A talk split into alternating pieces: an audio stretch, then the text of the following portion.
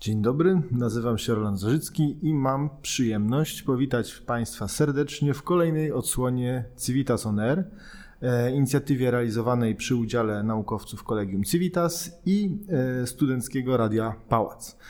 Gościem naszego dzisiejszego spotkania jest dr Barbara Markowska, z którą porozmawiamy o tym, kim jest Polak, e, jaki dyskurs historyczny tworzą media masowe w Polsce i w Ukrainie, jak historia kształtuje dzisiejszą polskość i jaka historia stworzy naszą przyszłość. Bardzo miło jest mi powitać dr Barbarę Markowską, adiunktkę w Katedrze Socjologii Kolegium Civitas oraz Instytucie Socjologii imienia Edmunda Wnuk Lipińskiego. Cześć Basiu. Witaj Rolandzie. Dobrze, to może rozpoczęlibyśmy tak klasycznie. Czy mogłabyś nam w kilku słowach mm, powiedzieć, wprowadzić nas w przedmiot Twoich obecnych badań, tych dotyczących dyskursu historycznego w mediach masowych e, oraz może też kilka słów o tym, jak on wpływa na kształtowanie się tożsamości Polaków, dzisiejszych Ukraińców? E, to znaczy, Redaguję, zredagowałam właśnie książkę, która ukaże się za kilka tygodni, e, poświęconą dyskursowi historycznemu w mediach masowych. Jest tam kilka różnych analiz, więc ja tylko jestem redaktorką i autorką jednej z analiz. Są to badania e, dyskursu e, przeprowadzone w ramach większego projektu badającego kultury historyczne Polski i Ukrainy. I badania te przeprowadziliśmy w 2018 roku w Polsce, bo był to rok stulecia odzyskania niepodległości i wydawało nam się bardzo istotne, żeby mm, sprawdzić, jakie obrazy przeszłości kształtują naszą wyobraźnię historyczno-polityczną. E, to znaczy, jakie są kształtowane przez media, tak? E, w jaki sposób e, ten obraz przeszłości media wytwarzają, jak nim sterują, jakie wartości się za tym kryją.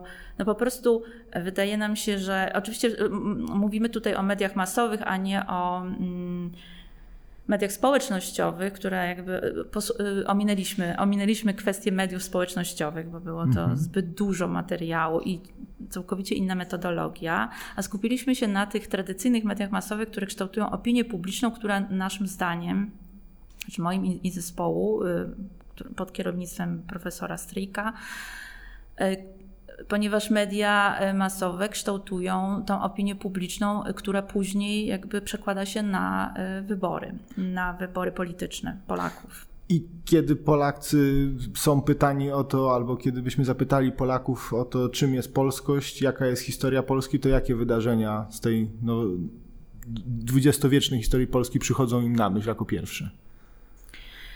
Nie, no na pierwszym miejscu zawsze i wszędzie y, to jest Piłsudski, mm -hmm. marszałek Józef Piłsudski. E, Wincenty Witos, y, no ale też pojawiła się postać Ignacego Daszyńskiego na przykład, tak? Mm -hmm. Które, którego pomnik od, odkryto wówczas w listopadzie 18 roku. No i on reprezentuje jakby polską lewicę, polskie tradycje lewicowe, więc ta polskość, no właśnie okazało się tak naprawdę, i tutaj szczerze zachęcam do lektury książki, zwłaszcza do tej części poświęconej analizie prasy polskiej, którą napisał e, profesor Stryjek. Ja się zajmowałam telewizją, za chwilę o tym mogę opowiedzieć. Mhm. Ale właśnie jeśli chodzi o analizę prasy e, i tej opiniotwórczej prasy, od prawa do lewa, e, profesor Stryjek wykonał gigantyczną pracę i wyodrębnił jakby typy, typy dyskursu historycznego, czyli właśnie te sposoby pisania e, o przeszłości. Jeśli chodzi o merytoryczność, e, bardziej lub mniej zaawansowane, to jest dosyć istotne kryterium, bo okazało się, że mm, takie e, czasopisma jak Gość Niedzielny albo Nasz Dziennik mają całkiem, e, jeśli chodzi o merytorykę, e, jakby poziom wiedzy historycznej bardzo są zaawansowane i wymagające. Tak? Mają pewne znaczy oczekiwania wobec czytelnika są całkiem spore. E, a na przykład taki, taka lewicowa gazeta jak Nie, no y, nie wiem jak to wyrazić, nie chcę nikogo obrażać, ale nie ma zbyt dużych ambicji, jeśli chodzi o czytelnika. Tak? Mhm. Jest y, bardzo y, satyryczna oczywiście i prześmiewcza w swoim tonie, natomiast y, nie wymaga żadnej wiedzy i kompetencji kulturowych. No więc tego typu jakby informacje, mamy, mamy ten obraz tej prasy i okazuje się, wbrew pozorom, mimo że wszyscy uważają, że głównie praca, prasa prawicowa zajmuje się historią, tak, że jest to jak gdyby ten temat y, nakręca, nakręca prawicę w Polsce, nie jest tak.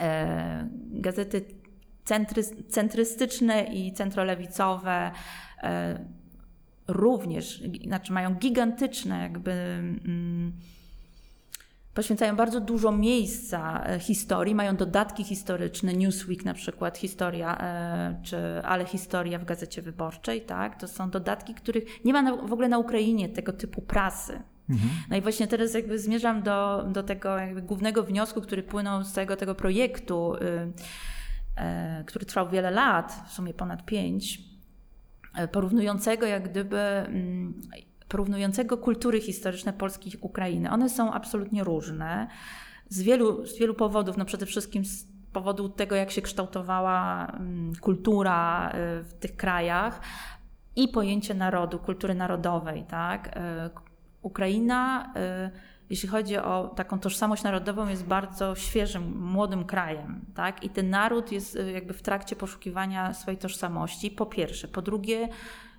aktualnie trwa tam wojna e, z, z Rosją, e, która była, jak, znaczy, której częścią, gdy stanowi, Ukraina stanowiła część Imperium Sowieckiego, wiele mocniej była zespolona z Rosją niż, niż Polska. W związku z czym bardzo wyraźnie widać tam proces wychodzenia z postkolonialnego jarzma, tak? To znaczy oni toczą walkę symboliczną i próbują swoją historię napisać na nowo jakby wyodrębniając swój byt y, i swoją narrację, tworząc całkiem nową narrację, y, no, muszą to zrobić jakby od nowa, tak.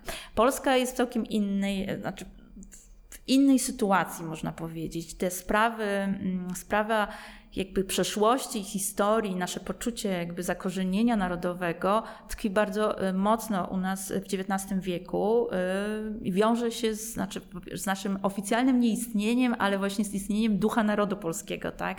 My musieliśmy pisać tą historię, myśleć historycznie, myśleć o swojej tożsamości w XIX wieku, żeby nie zniknąć, całkowicie się nie rozpłynąć y, w ramach trzech, trzech zaborów. No tak, ale wcześniej zaczęłaś mówić o czymś e, bardzo ciekawym, czyli o tej roli mediów na kształtowanie tej tożsamości, która zapewne też wygląda inaczej na Ukrainie i, i w Polsce. I y, zwróciłem uwagę, że posługujesz się zarówno pojęciem przeszłości, jak i pojęciem historii.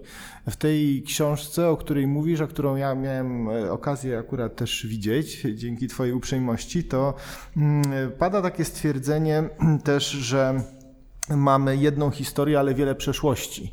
I tutaj pojawia się dla mnie takie ciekawe, e, ciekawe zjawisko, właśnie o którym też piszecie, czyli o mediatyzacji przeszłości, ale można by też zapytać o mediatyzację historii. E, jakbyś mogła powiedzieć, na czym polega ta różnica między przeszłością a historią? No tak, to jest, to jest gigantyczny problem, y, bo bardzo często w dyskursie publicznym y, myli się te, albo utożsamia się te pojęcia ze sobą, tak? A, a jednak dla badaczy, mm, dla badaczy y, pamięci jest to zasadniczy podział. Historią nazywamy ustaloną, znaczy jakąś opowieść o przeszłości, która nadaje sens rzeczywistości, ale przede wszystkim, bo to jest oczywiście ta dwuznaczność w tym, w tym słowie, przede wszystkim jest to nauka, tak? E, jest to dyskurs naukowy, akademicki lub, lub mniej akademicki, ale jednak w jakimś sensie posiadający warsztat i metodologię. E, I historia jest zawsze historią, czy storią, czyli opowieścią zinstytucjonalizowaną, tak? czyli y, funkcjonuje w postaci książek, najczęściej podręczników, a więc jest nauczana w szkole i w tym sensie jest częścią naszej kultury, pamięci y, kulturowej, która jest nie indywidualna, tylko właśnie zawsze podzielana zbiorowo, instytucjonalnie wytwarzana. Nie można historii samodzielnie napisać. Nigdy mhm. jednostka nie pisze historii, zawsze pisze ją zbiorowość dzięki swoim instytucjom. Tak? Media są jedną, jednym z narzędzi te, pisania historii w związku z tym. I strukturalnie na czym polega ta różnica w tym pisaniu historii w Polsce i na Ukrainie? Jak wynika z tych badań?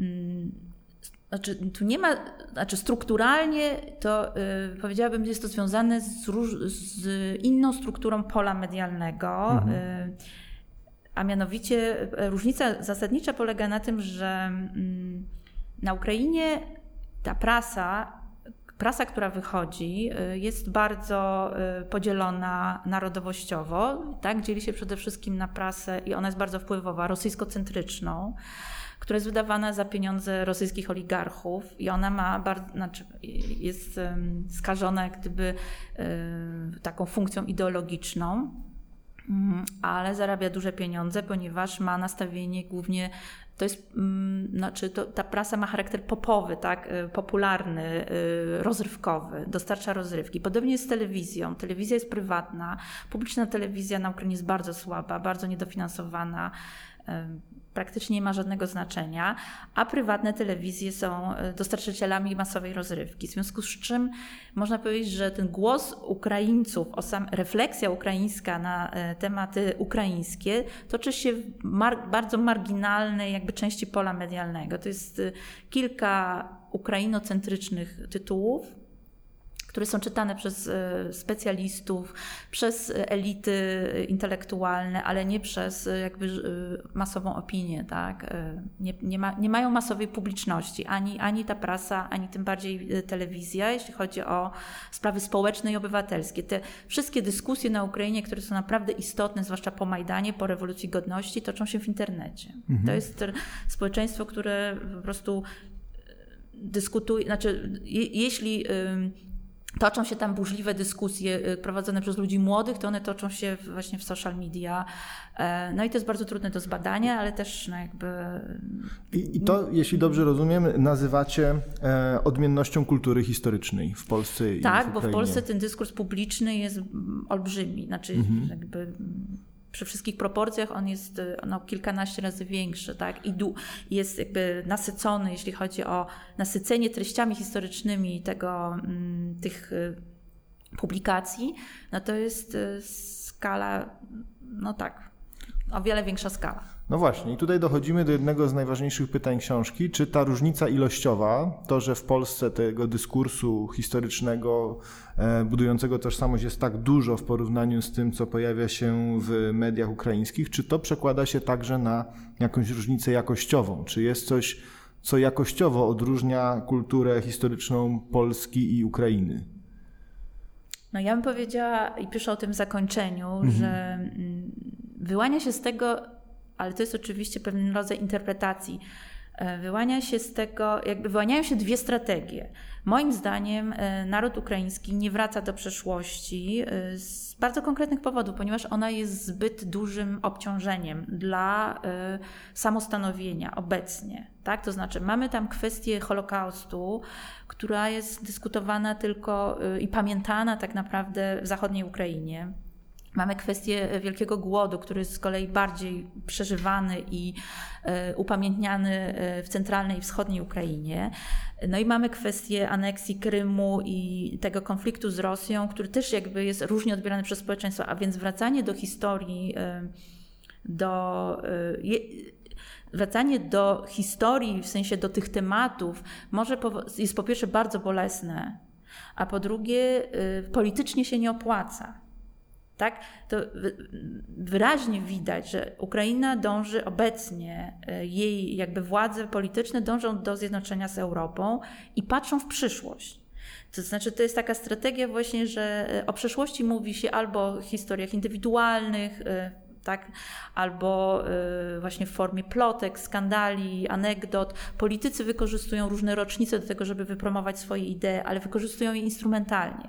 E, bo jeszcze zapomniałam powiedzieć, że właśnie jakby Okazało się, że w tej sferze publicznej w, Ukra w Ukrainie prawie nie, nie występują historycy jako naukowcy, a w Polsce odwrotnie. Historycy są powszechnie zapraszani jako eksperci, właściwie stanowią mm, dużą część public intellectuals, tak? znaczy duża, duża część e, tych intelektualistów, którzy się wypowiadają, ma wykształcenie historyczne i jest historykami, którzy piszą książki, tak? i oni się udzielają właśnie w sferze publicznej po to, żeby mówić o przeszłości, a więc są zapraszani i są też słuchani. Znaczy w tym sensie to jest widać, jak, to, jak ta maszyna jakby pracuje, jest bardzo rozkręcona. Czyli, czy, czy można by było stąd wyciągać takie wnioski, może trochę upraszczając, że współczesna Polka, współczesny Polak patrzy w przeszłość, współczesny Ukrainiec, Ukrainka patrzą w przyszłość, czyli ta nasza tożsamość w Polsce jest ukierunkowana na, wstecz, na, na wsteczny bieg. My już mamy wszystko za sobą, mamy swojego Fukuyamę, tak jak tam też y, przywołujecie, tak, mamy za sobą go już, a na Ukrainie przyszłość stoi otworem i, i na tym jest skoncentrowana też, można powiedzieć, tożsamość y, ludzi tam. E, tak, tożsamość buduje się przez ucieczkę w przyszłość. Mhm. Taki ruch, no, mhm. taki jest wykonywany ruch. Moim zdaniem to widać i to jest do udowodnienia, do pokazania raczej. Nie można tutaj mówić o twardych dowodach, no ale jest to pewna mhm. interpretacja heurystyczna, która tłumaczy, e, tłumaczy. Pozwala nam zrozumieć, jak gdyby w Polsce jest inna sytuacja i oczywiście nie powiedziałabym, że zwykli ludzie w Polsce są skupieni na przeszłości, raczej na teraźniejszości, też myślą o przyszłości, ale w Polsce politycy, mm, ludzie, którzy mają władzę, e, i to z różnych opcji, e, ludzie, którzy chcą mieć też władzę, sięgają do tematu przeszłości. Tak? I proponują napisanie historii na nowo.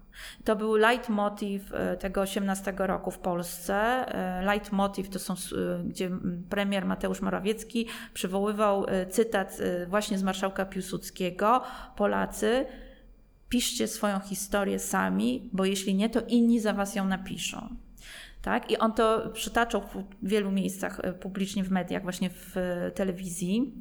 A więc w tych fragmentach e, audycji, które ja analizowałam, dotyczących e, niepodległości, rocznicy niepodległości, ale też 50. rocznicy polskiego marca 68, tak, tych wydarzeń marcowych, to były dwie rocznice w jednym roku i tam się tak jakby piękny obraz pokazało. E, a więc to nakaz, jakby imperatyw, jeszcze też hasło Prawda was wyzwoli, które Morawiecki i jego, jego obóz jakby rządzący też powtarzał wielokrotnie, oznacza pewną obietnicę, tak?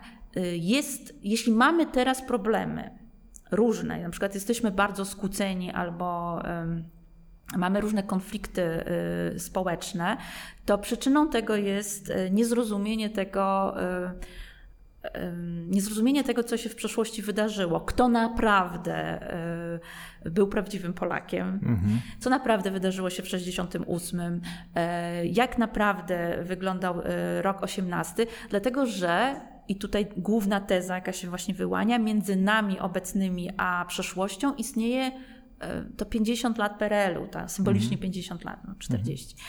Ale epoka, która zasłoniła wszystko, tak? Jak zasłona dymna po prostu nie widzimy swojej własnej przeszłości, kto jest prawdziwym bohaterem, kto jest zdrajcą i tak dalej. A więc ta polityka historyczna proponowana przez polityków obecnie dotyczy przepisania historii na nowo we właściwy, znaczy z perspektywy prawdy i to prawdy przez duże P. I to ma być wartością, już kończę, to ma być wartością, która uzdrowi nasze życie społeczne, polityczne na przyszłość. Oczywiście normalni obywatele w tym nie, nie muszą brać udziału, chociaż biorą, jeśli chcą, jakby to powiedzieć, zrobić karierę polityczną. Nie da się inaczej w Polsce obecnie, mhm. bez tak, ale to, sięgania to, to, to właśnie jest bardzo ciekawe, że jest ta warstwa pamięci historycznej, e, przeszłości, ale jest też warstwa niepamięci. Może nawet ciekawszy. Ciekawsze jest to, o czym nie pamiętamy. A jeżeli miałabyś, e, tak e, patrząc teraz na te statystyczne E, badania, na analizy tych tekstów, to to wszystko, te wszystkie badania, które prowadziliście, o czym Polacy nie pamiętają, mimo że Twoim zdaniem powinni pamiętać? Nie mówię teraz o perspektywie premiera Morawieckiego, tylko bardziej perspektywie właśnie historyczki. Czy jest coś takiego, co wyparliśmy z naszej tożsamości, a co zasługiwałoby na to, żeby w niej istnieć? Trudno mi jest powiedzieć, mhm. tak? Bo jeśli nie pamiętamy, to po prostu nie pamiętamy. No to tak. jest, no myślę, że ta sprawa odpowiedzialności za, współodpowiedzialności, zaraz pójdę do więzienia, za Holokaust, Aha. to była kwestia bardzo dyskutowana też. Obok, jakby pojawiła się w roku, kiedy, kiedy świętowaliśmy stulecie niepodległości, wydano ustawę zaostrzającą, tak, jakby tak, tak. ustawę o IPN-ie, zabraniającą jakby łączenia e, Polaków z odpowiedzialnością za zagładę. No więc oczywiście zostało to później cofnięte, zostało to później cofnięte, ale e, wywołało temat e, naszej, naszej jakby mm, aktywności i odpowiedzialności w ogóle za wszystkie wydarzenia, łącznie z II wojną światową i wcześniejsze wydarzenia. I, do te, I teraz właśnie w tym momencie chciałabym przejść do projektu, którym aktualnie się zajmuję, mhm. a mianowicie mm, wygrałam grant na zbadanie narracji na temat II wojny światowej, jaka jest kreowana czy przedstawiana w muzeach historycznych w Europie Środkowo-Wschodniej. W Polsce, w Niemczech, na Ukrainie i w Rosji. Ponieważ uważam, i to jakby jest refleksja, która płynie z tych wszystkich moich działań e, z ostatnich lat, uważam, że Polacy nigdy nie uzyskają stabilnego, stabilnego poczucia tożsamości, dopóki nie będą wiedzieli, czy tak naprawdę y, jesteśmy, znaczy, czy my jesteśmy ofiarami wojny, czy jesteśmy, jeśli ofiarami, to jakimi ofiarami? Aktywnymi ofiarami, czy pasywnymi ofiarami? Czy jesteśmy takimi samymi ofiarami jak y, Żydzi w Auschwitz? Nie, takimi ofiarami nie chcemy być. Chcemy być innymi ofiarami, heroicznymi ofiarami, czyli ofiarami, mm. które mają swoją podmiotowość, mają swoją godność. E, no i w związku z tym e, tak kreujemy swoją rolę w II wojnie światowej, że właśnie byliśmy jakby całkowicie mm, mm, podbici, e, ograbieni ze wszystkiego. Okupacja w Polsce, tak jest przedstawiona w Muzeum II wojny światowej w Gdańsku. Okupacja w Polsce jest przedstawiona jako najcięższa, najstraszniejsza, najdłużej trwająca okupacja, jeśli chodzi o to czas trwania, to oczywiście. No ale jakby to poczucie, to jest jakby to poczucie, że najwięcej nieszczęścia, właściwie e, najwięcej nieszczęścia w II wojnie światowej e, spadło na polski naród. Najwięcej nieszczęścia w momencie, kiedy mm, właśnie zniknęły te 3 miliony Żydów, e, polskich obywateli, ale nie jesteśmy my nimi, a, a mimo to my zostaliśmy najbardziej pokrzywdzeni. Natomiast niewiarygodna jest ta narracja budowana i wydaje mi się w niej nie tylko jest niespójność, ale jest potworne napięcie, bo teraz jakby jednak um, chodzi o to, żeby być też zwycięzcą, tak? Żeby pisać tą historię, bo inni co nas napiszą, więc my też no. musimy coś zrobić ze sobą, żeby... Czyli kwadratura koła. Absolutna. Symbo- jeśli mhm. chodzi o mhm. symboliczność, mhm. znaczy kończąc, jakby musimy wziąć odpowiedzialność, jeśli mamy być zwycięzcami, tak? jeśli mamy być upodmiotowieni jako naród, musimy wziąć też odpowiedzialność za to, że my również byliśmy aktywni, potrafimy walczyć, a więc jeśli walczymy, to również zabijamy. Mhm. No i jeśli zabijamy, to znaczy, że jesteśmy sprawcami przemocy, to nie, to nie, nie jest do, nie do pogodzenia z dotychczasowym wizerunkiem Polaków jako ofiar. Właśnie, ale czy, czy nie wydaje Ci się, że to jest tak, że może tutaj już tym dyskursem nie rządzą prawa logiki ani prawa historii, tylko raczej właśnie to, o czym też zaczęłaś mówić, czyli prawa marketingu politycznego. To znaczy jest tak, że mm, Piłsudski, o którym mówiłaś, może jacyś nowi bohaterowie, którzy są kształtowani, e, herosi, może powstanie warszawskie, które stało się w tym momencie jakimś takim e, hasłem reklamowym. Tak można nawet na to spojrzeć. Właściwie chyba nikogo nie interesuje, czy może nie nikogo, ale wielu ludzi nie interesuje już dzisiaj historia powstania warszawskiego, a raczej chodzi o to, żeby mieć przypinkę powstania, albo jej nie mieć, albo ją skrytykować, albo za nią głosować. E, I, I, czy nie jest tak, że cała ta historia stała się po prostu narzędziem politycznym, które pozwala wygrywać wybory? Ale także w takim sensie negatywnym, to znaczy, że jeżeli apeluj, adresujemy nasz komunikat polityczny do wyborców, którzy odcinają się od tego, to będziemy z kolei uderzać w to, w, ta, w taką narrację historyczną i będziemy wygrywać wybory, mówiąc, że nie, że właśnie nie na tym polega polskość. Czyli i opozycja, i obóz rządzący w tym momencie traktowałyby, można powiedzieć, tę historię i tę przeszłość w sposób czysto instrumentalny. Czy, czy to idzie za daleko, Twoim zdaniem, takie stwierdzenie, czy rzeczywiście jesteśmy w takim momencie? No jesteśmy w takim momencie, ale to się dzieje na całym świecie, tak? W tym sensie tutaj bym nas nie oskarżała za to, że jesteśmy jakoś tutaj specjalnie cyniczni, jeśli chodzi o marketing polityczny. Nie. Y, Kwestia polega na tym, to jest globalne zjawisko, e, a polega na tym, że w przeszłości tkwią, e, znaczy w historii, i tutaj jeszcze wrócę do tego rozróżnienia między historią a przeszłością, właśnie mamy jedną historię, czyli tą oficjalną narrację, a wiele przeszłości, ponieważ przeszłość to jest obraz tego, co było, e, postrzegany przez różne grupy społeczne. Tak? Kobiety mają swoją historię wydarzeń w XX wieku. Tak samo właśnie y, chłopi mają swoją historię, stąd teraz y, wydawane w Polsce książki historyczne mówiące o ludowej historii Polski, tak? Chcą, y, próbują jakby opowiedzieć, czy wytworzyć głos, czy wytworzyć reprezentację przeszłości, której podmiotem jest warstwa czy klasa chłopów, chłopów pańszczyźnianych, niepiśmiennych chłopów, nie, po których nie zostały żadne dokumenty historyczne, bo dokumenty historyczne zawsze pisali panowie i zwycięzcy. Tak? A tu chodzi o, o historię, która byłaby przedstawiona z punktu widzenia przegranych, grup, które zniknęły, zostały unicestwione lub grup, które nigdy nie miały głosu. I to na, znaczy chociażby kobiet, tak, chociażby kobiet. Jeszcze nie spotkałam się w podręcznikach z historią, która by była pisana z perspektywy kobiet. Lub po prostu ludności cywilnej, tak, lub po prostu ludności cywilnej. Więc z punktu widzenia ludności cywilnej powstanie warszawskie było hekatombą, a nie żadnym No heroicznym wydarzeniem i ja wolę tą wizję e, Mirona Białoszewskiego Aha. e, powstania, a nie taką heroiczną opowieść dla, dla młodzieży. Tak? No właśnie, ale kiedy mówisz o wizji, to przypomina mi się to, że, że w książce piszecie z profesorem Stryjkiem też, że ta wizja Polski współczesna, dominująca, to jest y, wizja nacjonalistyczno-polskocentryczna z, e, z ele- elementami katolicyzmu, taka, która jest zorientowana też w uderzanie e, w, anty, w takie antykomunistyczne akcenty ma, e, uderza w zachodni neomarksizm i Oczywiście to jest, to jest pewna, pewne stwierdzenie, które pada w książce, ale to, co mnie interesuje, to e, następnie ocena tego, e, tej wizji, którą formułujecie, a mianowicie, że ta wizja jest populistyczna. I o to chciałem zapytać, dlaczego, dlaczego nazywacie ją wizją populistyczną? Na czym polega tutaj ten populizm?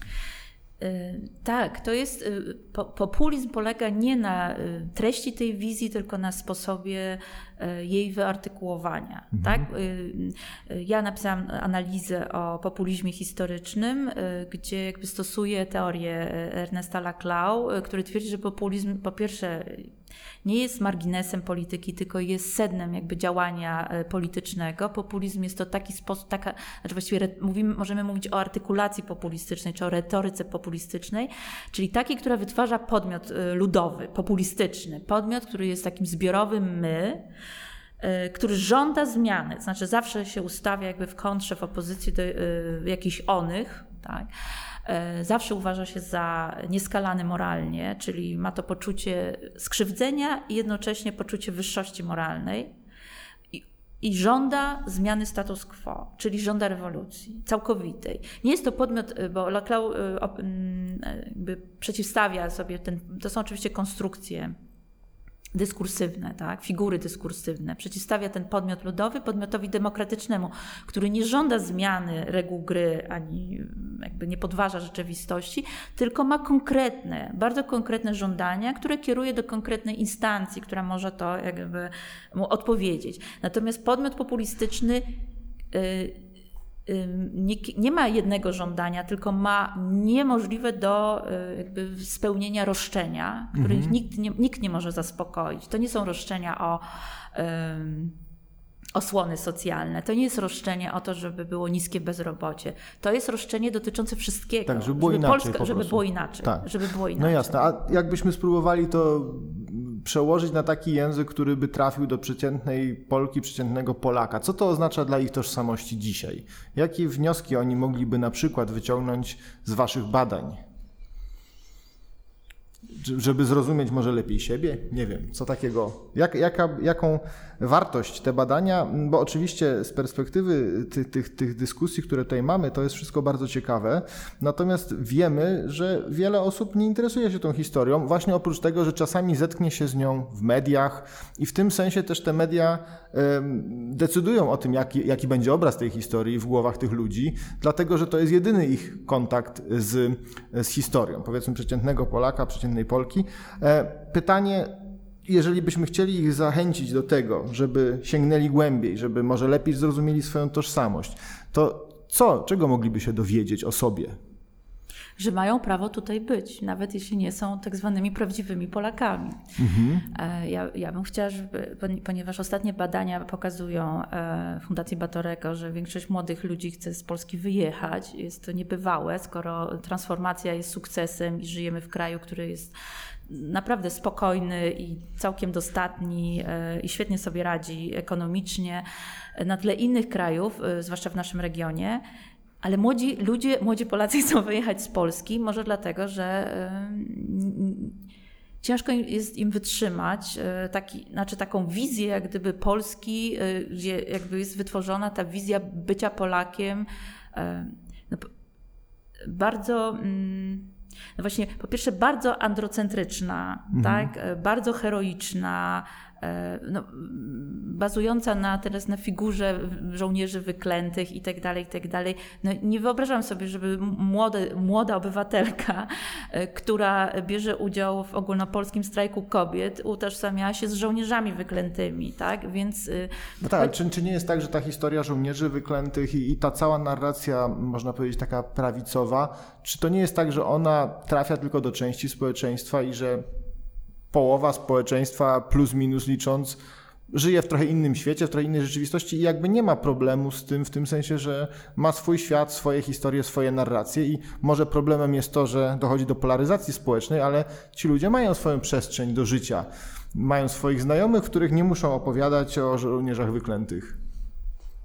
Jasna sprawa, y, tylko wydaje mi się, że to wszystko, y, mówimy o tym, o rzeczywistości na kilku różnych poziomach. Tak? Ja mówię o tym poziomie y, maszyny symbolicznej, systemu mhm. symbolicznego, który wytwarza tak jak mówiłam, pamięci kulturowej, która w tym momencie, polityka historyczna PiSu, nie, nie chciałam poruszać tak politycznych wątków w tej mhm. rozmowie, ale z drugiej strony nie da się, ja mówię o tym po prostu opisowo. Polityka historyczna PiSu staje się ciałem, tak? To no tak, znaczy, tak, bo idą jakby, konkretne pieniądze na finansowanie tak, konkretnych i projektów. będzie miało to wpływ na nauki mhm. społeczne, na mhm. finansowanie takich, a nie innych grantów, y, oczywiście pisanie podręczników i wizję świata, a, a więc też wychowywanie młodych ludzi, młodzieży w takiej wizji przeszłości. Mhm. Więc w tym momencie, jeśli my byśmy chcieli żyć w świecie, tak, y, w którym jest właśnie ta wielość przeszłości, różnych punktów widzenia przekłada się na wielość historii, to byłby punkt taki docelowy, to mamy tutaj proces dokładnie odwrotny, tak? I, i e, moim zdaniem absolutnie będzie miał to wpływ na poziom czy na kondycję demokracji w Polsce. Właśnie o to chciałem Cię też zapytać i właściwie trochę już wyprzedziłaś to odpowiadając, ale mimo wszystko sformułuję to pytanie. Mm, gdzie jest y, gdzie jest jakaś ścieżka, którą moglibyśmy podążyć, żeby lepiej zrozumieć siebie, tą swoją tożsamość? Bo wiemy, że historia jest upolityczniona, wiemy, że przeszłości są upolitycznione, wiemy też z waszych, z waszych badań, że media jeszcze bardziej upolityczniają to wszystko. E, no i pytanie, czy ta ścieżka mm, jakiejś ucieczki przed tym upolitycznieniem, to jest ścieżka ku jakiejś prawdziwszej historii, czy może ku wielości historii, ku pluralizmowi, taki, takiemu historycznemu pluralizmowi? Raczej chodzi o, ten, o wielość historii. Mhm. O wielość historii. Nie ma prawdziwej historii. No, mm, więc po pierwsze chodzi Nie o. Nie ma faktów? Mm, no, są fakty, ale tylko docieramy do nich poprzez interpretację. Mhm nagich faktów nie ma. Jasne. Mhm. Nie w naukach społecznych, nie w mhm. historii. Mhm. To jest opowieść, więc y, można. Nie, nie, po pierwsze, nie da się wszystkich faktów opowiedzieć, to jest tak jakby taki podręcznikowy, tak. Y, oczywiście żaden historyk się nie zgodzi z tym, co mówię, bo to jest mhm. jakby wbrew, to podważa jakby obiektywność historii, ale jako nauki. Natomiast y, no, ja jestem badaczem, badaczką z metapoziomu, tak, czyli mnie interesuje to konstruowanie historii, a więc zawsze widzę, że jest ona konstruowana z bardzo określonych określonego punktu widzenia, a tych punktów widzenia, znaczy przede wszystkim jest, y, y, my znamy historię jako historię narodów. Tak? Naród jest tym podmiotem, który pisze historię nie jest to wcale konieczne. Właśnie nie, możemy pominąć tą jednostkę analizy jak naród i napisać tą historię z całkiem innych punktów widzenia, ale wtedy właśnie będą to mikrohistorie, makrohistorie, historia Europejczyków, prawda? Czy będzie tam miejsce dla nas?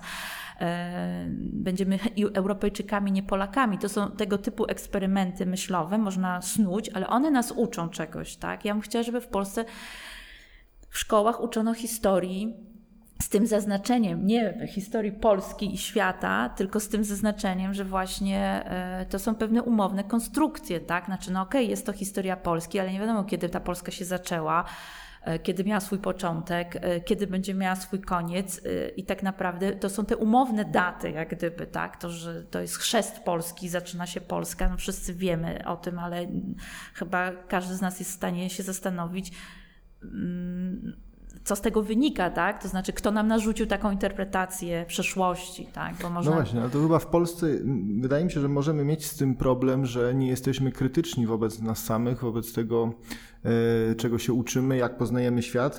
I akurat na tym odcinku mamy chyba jakiś taki problem edukacyjny właśnie z tą krytycznością, z tym, że mamy właśnie społeczeństwo, które jest spolaryzowane, które ma bardzo, które wie, Jedni wiedzą jedno, drudzy wiedzą drugie, ale mało kto jest krytyczny wobec samego siebie czy, czy wobec tych narracji, z którymi się spotyka. To taka moja wycieczka trochę, ale to, co chciałem Cię jeszcze na koniec zapytać, to to, jak będzie wyglądała Twoim zdaniem nasza przyszłość, a może też i przyszłość e, Ukrainy, jeżeli nasza dzisiejsza tożsamość i nasze dzisiejsze opowieści o, o naszych historiach są takie, jakie są. Jak, jak myślisz? Ku czemu to wszystko zmierza? Zadajesz bardzo trudne pytania. Przygotowałem się, żeby były trudne. Nie no, czy, ja osobiście myślę, że czeka nas y, wspólna przyszłość, y, która polega na katastrofie klimatycznej y, mhm. i tutaj historia nie ma nic wspólnego z tym. Albo... Czy nag, nagie fakty? Słucham? Nagie fakty. Nagie fakty. To znaczy, tak, chodzi mi o to, historia jest w stanie nadać sens rzeczywistości, dlatego jest tak ważna. Mhm. Chcę, żeby to wybrzmiało, dlatego polityka skutecznie instrumentalizuje historię, bo ta opowieść o świecie, który staje się sensowny, ona opiera się o pewne wartości i ludzie kłócą się tak naprawdę w Polsce i na całym świecie o te wartości.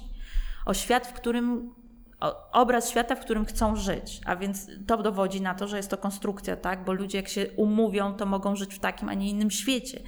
Wystarczy, że zaczną w to zbiorowo wierzyć. Tak? To jest kwestia pewnej wiary. I to jest ta przeszłość. Tak? Chodzi mhm. o to, że mamy tą wizję przeszłości i potem zaczynamy pisać historię w postaci konkretnych artefaktów, y, tekstów i, i tak dalej, które ugruntowują jak gdyby tą y, historyczność historii. Tak? No, Jasne, ona, to... ona się staje po prostu wspólną, wspólną własnością. To jaka przyszłość nas czeka? No niewesoła. nie, no nie możesz mnie pytać, jaka przyszłość nas czeka, y, bo ona jest y, historycznie wszystko już nas spotkało, tak? Y, znaczy, nie istnieliśmy jako kraj, teraz istniejemy i znowu możemy przestać istnieć. No, tylko jak gdyby mhm. Zero-jedynkowo y, widzę tutaj, tak? Jest taka alternatywa. Natomiast nie jest to bardzo istotne wobec tego, że jako ludzkość możemy przestać istnieć. I, i moim zdaniem, ostatnie zdanie chciałabym powiedzieć, to co w Polaków naprawdę mm, mogłoby wprowadzić na wyższy poziom dojrzałości, to jest spojrzenie y, z takiej uniwersalnej perspektywy na siebie, właśnie jako na część ludzkości, a nie na jakby naród, który y, cały czas musi udowadniać swoje istnienie, tak, i swoją wielkość i, i taką jakościową właśnie tą jakość y, moralną w porównaniu z innymi, nieskalaną etyczność. Nie, w ogóle moim zdaniem powinniśmy pójść już dawno krok dalej i zacząć troszczyć się o ziemię. Super. I to bardzo konstruktywna refleksja, która na koniec nas spotyka. Dziękujemy e, Dziękuję bardzo. Barbarze Markowskiej za udział w dzisiejszym spotkaniu. Dziękuję wszystkim Państwu za e, wysłuchanie naszego podcastu i zapraszam na kolejne wydania.